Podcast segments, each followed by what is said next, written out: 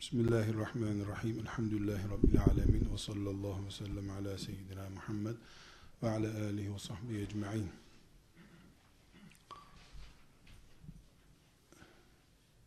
Arkadaşlar, önünüzdeki hadisi şerifi okumadan önce mümin olarak peşinen bilmemiz gereken ve bildiğimiz bir kuralı ve bir de fıkıh bilgisini açıklamak istiyorum. Biz şuna iman ediyoruz. Peygamberimiz sallallahu aleyhi ve sellem kesinlikle kendi zevklerine göre konuşmuyor.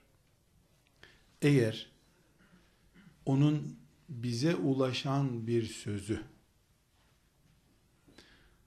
bize ulaşma açısından bir sıkıntı taşımıyorsa, yani gerçekten Peygamber aleyhisselam efendimize aitliği sabitse, o söz Peygamber aleyhisselam efendimizin kendi zevkini, düşünce tarzını, emellerini yansıtmıyor.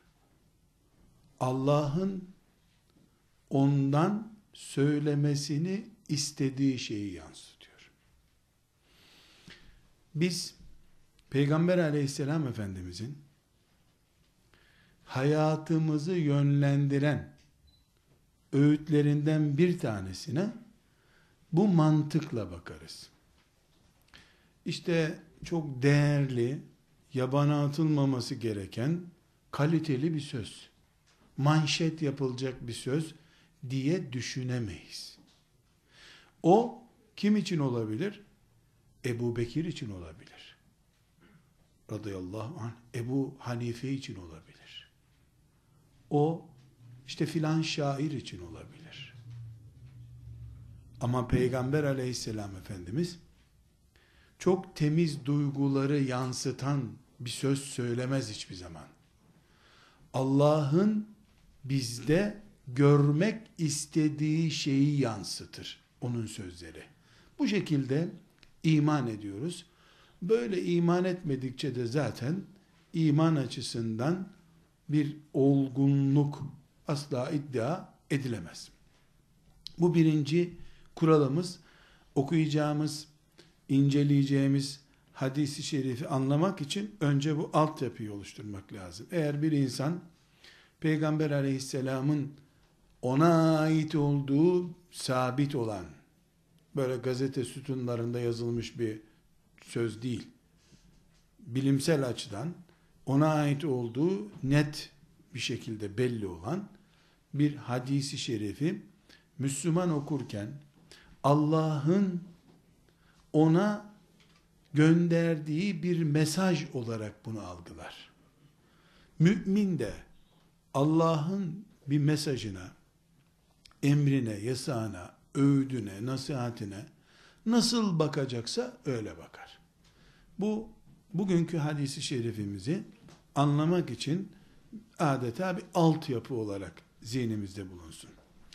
İkincisi kardeşler, fıkıh ilminin en temel prensiplerinden bir tanesinde denir ki, İslam ilk çocuk doğarken ona ezan okunmasından e, insan ölüp mezara konulmasına kadar İslam beş şeyin yüzde yüz korunması için oluşturulmuş bir sistemdir.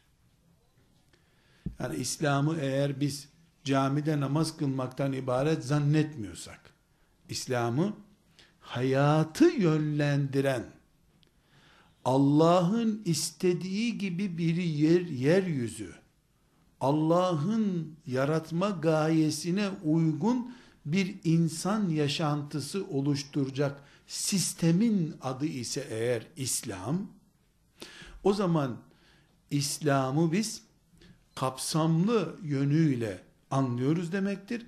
Bu kapsam İslam'ın bütün hayatı kuşatan bu kapsamı yeryüzünde beş şeyin yüzde yüz garanti altında olmasını istemektedir. İslam'ın hırsıza verdiği cezadan işte miras taksimine varıncaya kadar İslam kuralı diye ne biliniyorsa özünde şu beş şeyi koruma vardır. Nasıl sadece şöyle gizli bir sesle, çok cılız bir sesle benzetmek için söylüyorum. Yoksa e, haşa benim akidem, fıkhım, imanımın bir muadili yoktur. Bunun bu tarafı, şu tarafı denecek bölümü yoktur. Çok yaygın bir kültür olduğu için. Nasıl devletlerin bir anayasası vardır. O anayasa aslında bir 100 madde, 150 maddeden ibarettir. On binlerce kanun maddesi hep o anayasaya hizmet etmek içindir. Onun için e, beşeri sistemlerde kolay kolay bu kanun kötü, bu kanun insanlığa aykırı denmezler, anayasaya aykırı denir. Çünkü anayasa ortak değer, ortak putun adıdır. E, dolayısıyla insanlar ona aykırılıkla itham edilen bir yasa çıkardın diye en baştan işi çevirirler. Bu örnek sadece anlaşılsın diye kullandığım bu örnek e, bizim şeriatımızda, dinimizde beş şeye güvenlik sağlamak için bütün ibadetlerden e, muamelata, işte ahlaka, öğütlere, tavsiyelere varıncaya kadar her şey nihayetinde beş şeyin teminatı içindir. Bunların birincisi dindir. İkincisi candır. Üçüncüsü akıl. Dördüncüsü namus. Beşincisi de maldır. Bu beş şeyi deyim yerindeyse anlaşılması için söylememde sakınca yok. Mukaddes görüyor İslam. Bir, bu beş şeyi tekrar ediyorum. Din, can, akıl, namus ve mal. Bu beş şeye zarar verecek bir şeyi dinin ana konularından biri haline getiriyor. Bir insanın kimseye zarar vermeden dağ başında bir kova alkol tüketmesi en kötü ihtimalle dağdan yuvarlanıp kurtlara yem olur. Kurtlar da o sene aç kalmazlar bir ay. Bir zarar yok bundan ama akla zarar verdiği için şeriat hemen devreye giriyor. Akla zarar veremezsin. Nasıl bıçakla bir insanı kesmeyi cana zarar açısından sakıncalı buluyor. Nasıl mukaddes olan bir şeye sövmeyi muhakeme edilme, muhakaze edilmenin nedeni sayıyor. Bu beş şeyin bütününü İslam, mal da böyle tabi, yeryüzünde İslam'ın sistem olarak var olma nedeni görüyor. Bu beş şeyi için yaptığı mücadele İslam'ın, koyduğu kurallar, İslam'ı kiliselere sıkıştırılmış bir muharref din gibi olmaktan kurtaran şeydir. Bunun için mesela beş şeyden bir tanesi maldır diyoruz. Bu sebeple malını müdafaa ederken, hırsızdan korurken, gasptan korurken öldürülen birisine şehit muamelesi yapıyor. Adamın malı, adamın arabası, adamın parası ama mal da can gibi, akıl gibi, namus gibi şeriatın değer verdiği şeylerden. Çünkü mal insanın onurlu yaşaması veya yaşamaması anlamına geliyor. İslam'da Müslümanı onursuz kabul etmediği için dilenci, sefi, sürüngen görmek istemediği için onun can damarı olan malı canı gibi değerli tutuyor. Şimdi tekrar e, girişimi toparlıyorum kardeşler. Dedik ki İslam beş şeyin varlığını kendisinin ana gayesi haline getiriyor. Dinin kıyamete kadar var olmasını istiyor. Son nefesine kadar her insanın canının mukaddes görülmesini istiyor. Hiçbir insanın aklına zarar gelmemesini istiyor. Hiçbir insanın namusuna müdahale edilmemesini istiyor. her insanın malının şeriatın koruması altında olmasını istiyor. Bu istemeden dolayı insanlığın vereceğinden çok daha ağır olan kol kesme cezasını veriyor. Kol kesme cezası birisinin şu kadar parasını çalmaya karşı verilen bir ceza değildir. Şeriatın garanti altına aldığı malı koruyamama nedeni oluşturacak bir suça verilmiş cezadır. Yoksa birisinin şu kadar lirasını çalmış olmak öbür insanın kolunun veyahut da çal, elinin kesilmesini gerektirecek bir suç değildir aslında. Ama tıpkı nasıl devletlerin kamusal düzenine karşı işlenmiş suçlar herhangi bir alanda işlenmiş suçtan çok daha güçlü kabul ediliyor. Devletin varlığını tehdit edeceği için ileride ya da devletin oturduğu zemini oymaya yönelik kabul edildiğinden bunu çete suçu sayıyor. Ebedi affetmiyor. Avukat bile görüştürmüyor. Bütün dünyada böyle bu. İslam da insanların mallarını buna para diyelim biz, araba diyelim, ne dersek diyelim. İslam'ın yeryüzünde ayakta tutmak istediği beş değerden birisi gördüğü için takdir ettiği cezası kol kesmek gibi bize göre ağır, Allah'a göre tam adil bir cezadır. Tekrar en baştan toparlıyorum. Dedik ki arkadaşlar, Peygamberimiz aleyhissalatu vesselam, kendi önerilerini konuşan çok saygın birisi değildir. Çok değerli tarihi açıklamalar yapmış bir mütefekkir değildir. Allah'ın adına konuşmuş birisidir. Eğer bize ulaşan sözü uyduruk değilse halkça ifadeyle bizzat peygambere ait olduğuna dair elimizde kanaat varsa bu söz Allah'ın kulaklarımıza ulaştırmak istediği bir sözdür. Kul bu sözü kendisini yaratanın önerisi olarak algılamak zorundadır. Kur'an'a bakarken ki ciddiyet ve aman bunu alayım duygusu bir Müslümanda neyse aynı duygu o Müslümanda peygamberinden gelen bir söze karşı da olmalıdır. Şu ayrıntıyı özellikle e, defalarca vurguladım tekrar vurgulayayım. Bu peygamberin sözüdür demek peygamberin sözü olmasını gerektirmiyor. Ortada bir bilimsel bugünkü ifadelerle veya hadis alimlerinin oluşturduğu kriterler açısından sıkıntı olmaması lazım. Şimdi e, tekrar e, bu bilgileri tazeledikten sonra arkadaşlar yani peygamberimiz boşuna konuşmuyor ve benim dinim beş şeyi korumak istiyor. Bunlardan bir tanesi de candır. Canı siz sıhhat olarak da alabilirsiniz. Sadece işte insanın gözlerinin hareket ediyor olması, hala ölmedi, beyin ölümü gerçekleşmedi filan gibi mantıkla bakmıyoruz. İnsan yaratıldığı kalitede yeryüzünde yürüyemiyorsa can varla yok arasında gidip geliyor demektir. Kullanılamayan bir göz, göz değil. Kullanılamayan bir el, el değil. Dolayısıyla sağlığı ile e, bütünü can olan bir sistemden söz ediyoruz. Kardeşler, şimdi bu derlemeden sonra Peygamber aleyhisselam efendimizin Tirmizi isimli hadis kitabında rivayet edilen sözünü dinleyebiliriz. Bu hadis İmam Tirmizi isimli muhaddisin rivayet ettiği bu hadis Tirmizi'den başka da 10 kadar temel hadis kitabında var ama ana ilk e, Peygamber aleyhisselama en yakın ravisi Tirmizi ya da en güçlü ravisi Tirmizi'dir.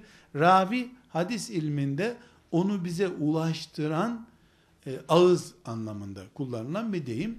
Peygamber aleyhisselam Efendimiz bu hadisinde buyuruyor ki Ademoğlu yani insan Ademoğlu midesi gibi tehlikeli bir kap doldurmamıştır.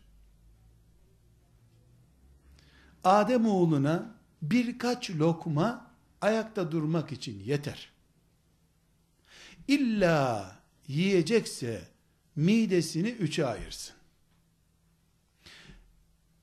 Kaba yiyecekleri bir bölüm yapsın. Suyu, sıvı yiyecekleri bir bölüm yapsın. Bir bölümü de solunum için bıraksın. Demiş aleyhisselam Efendimiz. Girişteki iki uyarıya tekrar dönmem gerekiyor hadisi anlamak için. Dedi ki benim peygamberim Allah'ın de dediğini der. Allah da benim Rabbim, yaratanım. Bedenime şekil verenim. Sağlığımla ilgili sistemi kuranımdır Allah benim için. Peygamberine benim sağlığımla ilgili sistemi tarif ettiriyor. Sistemde neler var? Bir, insanın doldurduğu kabın en kötüsü midedir diyor. Kap içine bir şeyler konan şey demek. Bir benzetme yapıyor Peygamber aleyhisselam efendimiz. Bu benzetmesinde mideyi bir kovaya benzetiyor. Bu da kap, bunu da dolduruyorum. Bu da kap, bunu da dolduruyorum. Bu doldurduğum kap daha tehlikeli dökülme riski var. Risk açısından mide gibi doldurma doldurulmuş bir kabı yoktur insanoğlunun diyor. Birinci kural. İkinci kural kanun koyuyor. Ama bu kanunu en başta ne dedi? Kendi adına koymuyor. Kendi adına konuşma hakkı yok zaten. Eşiyle muhabbet etme hakkı var. Arkadaşıyla konuşma, muhabbet etme, nasılsın deme hakkı var. Ama kıyamete kadar yaşayacak müminlere Abdullah'ın oğlu Muhammed'den öğütler diye bir şey söylememiş hiç. Allah'ın temsilcisi Muhammed olarak konuşmuş konuştuğu zaman. Bireysel konuşunca öyleydi böyleydi olmuş. Allah'ın adına konuşunca Allah konuştu oldu zaten. Birinci söylediği şey mide risk deposu. İkinci kanunu aslında insan sayılı lokmayla yaşayacak kıvamdadır. Sayılarla tabakları kastetmiyor. 5-10 tabak her öğün yeter insana demiyor. Birkaç lokma insan için yeterlidir diyor. Bu en değerli yaşam tarzı. Üçüncü kanunu eğer yeterlilik sınırlarını aşacaksan insan olarak o zaman sana şöyle bir yaşam tavsiye ederim diyor. Nedir o yaşam? Mideni kap kabul et. Bunu üçe böl. Eşit üçe böl. Yaklaşık da mide zaten hemen hemen 3 kiloluktur. Ortalama insan midesi. Bunu üçe böl. Bunun üçte biri katı yiyecekler olsun. Üçte biri sıvı olsun. Üçte birine asla bir şey koyma. Bu aslında riskli bir yaşam. Böyle yaparsan şu insanın doldurduğu en tehlikeli kap devreye girecek demektir. Çok sağlıklı yaşamak istiyorsan yaratan söylüyor. Çünkü peygamber kendi konuşmuyor dedik. Yaratan ne diyor? Eğer peygamber onun adına konuşuyorsa aleyhissalatü vesselam bedenin sahibi, onun mucidi, sanatkarı olan Allah bu beden lokmalarla yürür diyor. Çalışır. Ama yaratmadaki imtihan gereği lokma değil fırınlarla bile donmayacak bir iştahı var. Çünkü sistemi böyle kurmuş Allah. Esasen yeterli olduğu halde yani aslen 90 kilometre süratle bu yol gidileceği halde ibre 300'de gösteriyor. Basıp 300'de gidersen o zaman şuna dikkat et buna dikkat et diyor. Üç kural koyuyor hadis arkadaşlar. Bu kuralları tekrar ediyoruz. Birincisi mide insanoğlunun risk noktasıdır. Bugünkü tıpta da yediğimiz içtiklerimizin bizi getirdiği nokta e, yeme maddelerimiz, içme maddelerimiz yüzünden hastalıkların yaygınlaşması gibi ayrıntılara girmiyorum. Sıradan her Müslümanın yapabileceği yorumlardır bunlar. Günlük yorumlara girmeyeceğim. Benim peygamberim aleyhissalatü vesselam bütün çağların üstünde bir kural koyuyor. Ve ben de istiyorum ki nesil yetiştirmek, o nesle sadece Kur'an okumayı öğretmek, İlmuhal kitabındaki namaz bilgilerini öğretmek değildir. Bundan önce mama yediği günden itibaren bir insan Allah'ın yarattığı standartlarda yemeye içmeye de alışmalıdır. Mama hatta çocuğun emzikli günlerinden itibaren annelerin yedirme politikası bu olmalıdır. Babaların mutfak dizme politikası bu hadisi şerife göre olmalıdır. Midelerimizin tonajı arzularımızla birleştiğinde biz hayattaki en riskli yatırımı yaptık demektir. Halbuki peygamberim Allah adına konuşan birisi olarak lokmalarla örnek veriyor ve onunla beraber on binlerce ona ilk iman eden sahabi arkadaşlar adımız soyadımız gibi bunu çok açık biliyoruz. Bir, iki, üç hurma yiyerek 3-4 kiloluk kılıcı 10-15 kiloluk kalkanı elinde tutup 100-150 kilometre yürüyerek savaşa gittiler. Amerikan konserveleriyle mi orada karınlarını doyurdular? 150 kilometre Bedre gidenler ne götürmüş olabilirler arkadaşlar? Tarih dese ki yanlarında 4 tonda un vardı. 2 tonda bisküvit vardı. 3000 kutuda konserve vardı. İnanabilir misin buna? Neyle taşıdılar bunu? Konserve yiyecek halleri yok. Balık konservesi bulacak halleri yoktu. Ne vardı? Çıkınlarında hurmaları vardı. Ve bunu sahabi de kendisi söylüyor. Hatta bir hurmayı nöbetleşe yaladıklarını söylüyorlar. Ve bunlar açlık grevinde oldukları için de sessiz sedasız işte bir hurma yalayarak şekerle idare eden açlık grevcisi filan da değiller. Kılıç kuşanmış, cihada gitmiş kardeşim. Karşısındaki adam da deveyi kesmiş, yemiş, patlayacak kadar gıda almış, onun karşısında kılıç kullanıyor ve çevik bir kılıç kullanıyor. Kaçıyor, geliyor. Mesela Tebuk gazvesi arkadaşlar yaklaşık 800 kilometrelik yol. Binek hayvan da yok. Bu 800 kilometrenin önemli bölümünü yürüyerek gitmişler. En kötü, en şanslı ihtimalle her birinin yanında ikişer kilo un vardır. Ne taşıyabileceği bir insanın belli çünkü deve yok.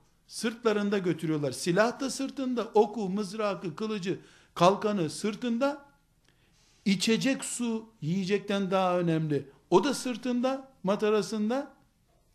Ve yiyecek ne alabilir yanında? İşte pastalar vesaire ne bakkalda ne satıldıysa. Ya da gördükleri markete uğramışlardır herhalde.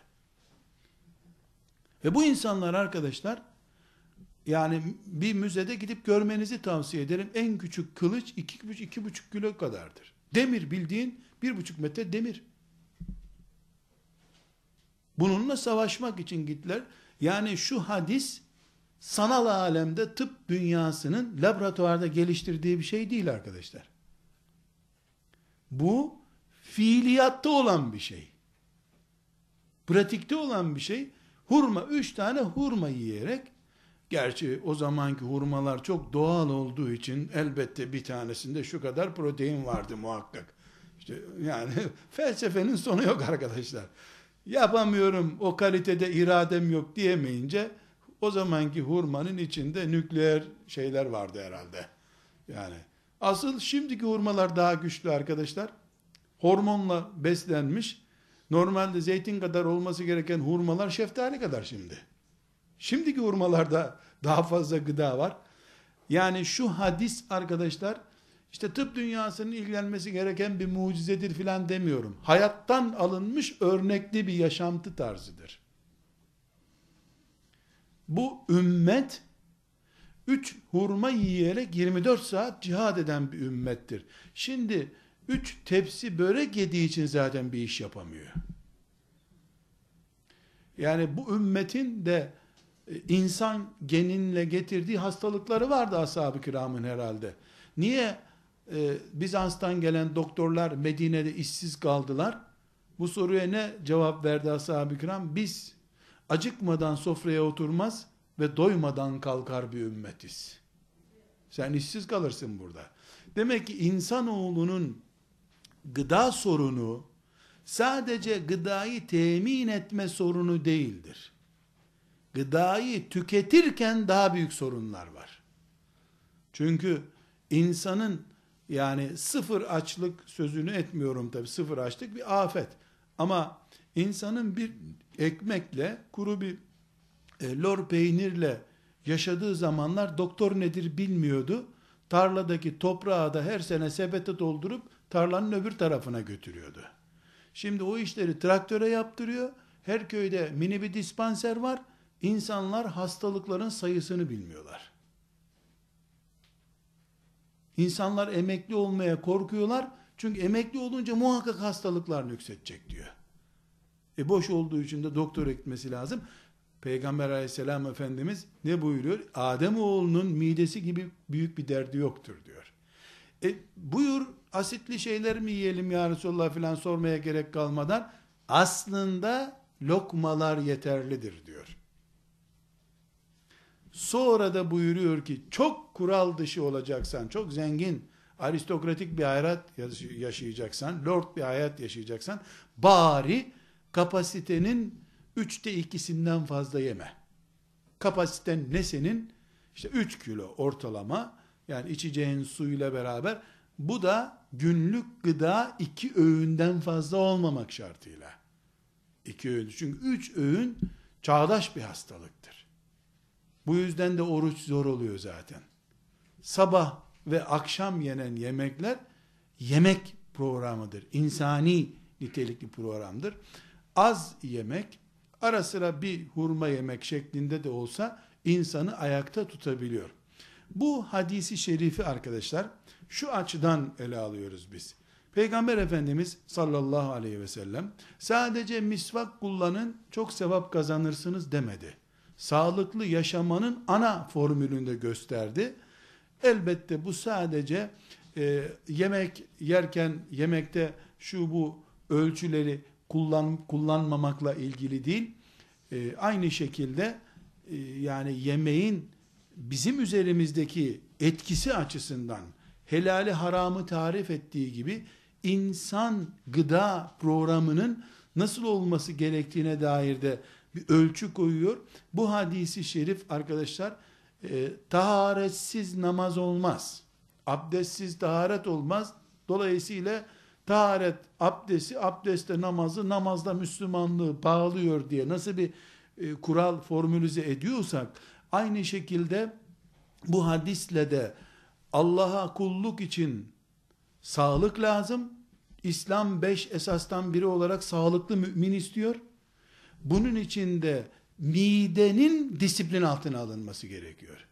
Midenin disiplin altına alınması demek, mideye bir günlük kapasitesi neyse, elbette bu her insana göre şüphesiz değişik, kapasite neyse, o kapasitenin üçte ikisinden fazla sıvı ve katık bir şey konmayacak. Ve çok enteresan arkadaşlar, bugünkü tıp şöyle dedi böyle dedi cümleleri hoşuma gitmiyor, onları tekrar etmek istemiyorum. Belki insanlık ilk defa sevgili Peygamber aleyhisselam efendimizden bir kavram öğreniyor. Nedir o kavram? Nefes için, solunum için pay bırak diyor. Demek ki çok yoğun yenmiş olan bir yemekte e, solunum sistemi sıkıntısı da var.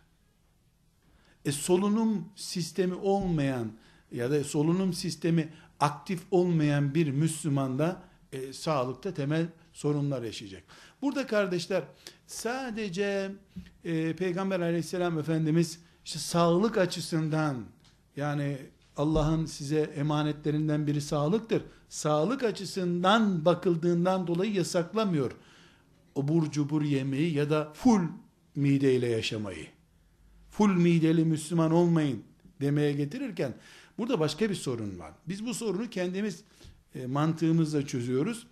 E, bakıyoruz ki e, midesi dolu olması bir insanın beraberinde beyin aktivitelerinin azalmasını getiriyor. Çünkü vücudumuzdaki bütün hareketler, mide, ayak, kol, göz hepsi beyin fonksiyonlarıyla, beyin talimatıyla yapılıyor. Midedeki salgılamalar vesaire beraberinde büyük bir meşguliyet getiriyor mideye. Bu meşguliyetten dolayı yeni yemek yiyen birisi yatağa yatar yatmaz uyuyamıyor. Sen şarteli kapatıyorsun ama sistem kapanmıyor. Yani beyni durduramıyorsun. Niye durduramıyorsun? Beyin hala değirmendeki işlerini bitirememiş. Hala öğütme işini bitiremiyor. Normalde bir saat iki saatte halletmesi gereken işi e, kapasite üstü yükleme yapıldığından trafo zorlanıyor halletmeye. Bu beraberinde çok yiyen yani üçte bir katı, üçte bir sıvı, üçte bir solunum ölçüsünü yakalayamayan Müslümanın 24 saat uyku sorunu ile ayakta kalması demektir. Bu bizzat gözlerini kapatıp böyle yarı sarhoş gibi yaşamak şeklinde de olabilir. Doğal uyku ihtiyacını gideremediği için performansı düşük bir Müslüman olarak yaşaması da söz konusudur. Uykusuzluk her zaman böyle trafik kazası yapacak düzeyde bir sorun oluşturmuyor. Yani bir beyin 90 kapasiteyle çalışması gerekiyorsa günlük uyku ihtiyacını alamadığında ki çok yemek uyku sıkıntısı getiriyor beraberinde. Çok uyutarak veya uykuyu sıkıntılı hale getirerek uyku sıkıntısı getiriyor.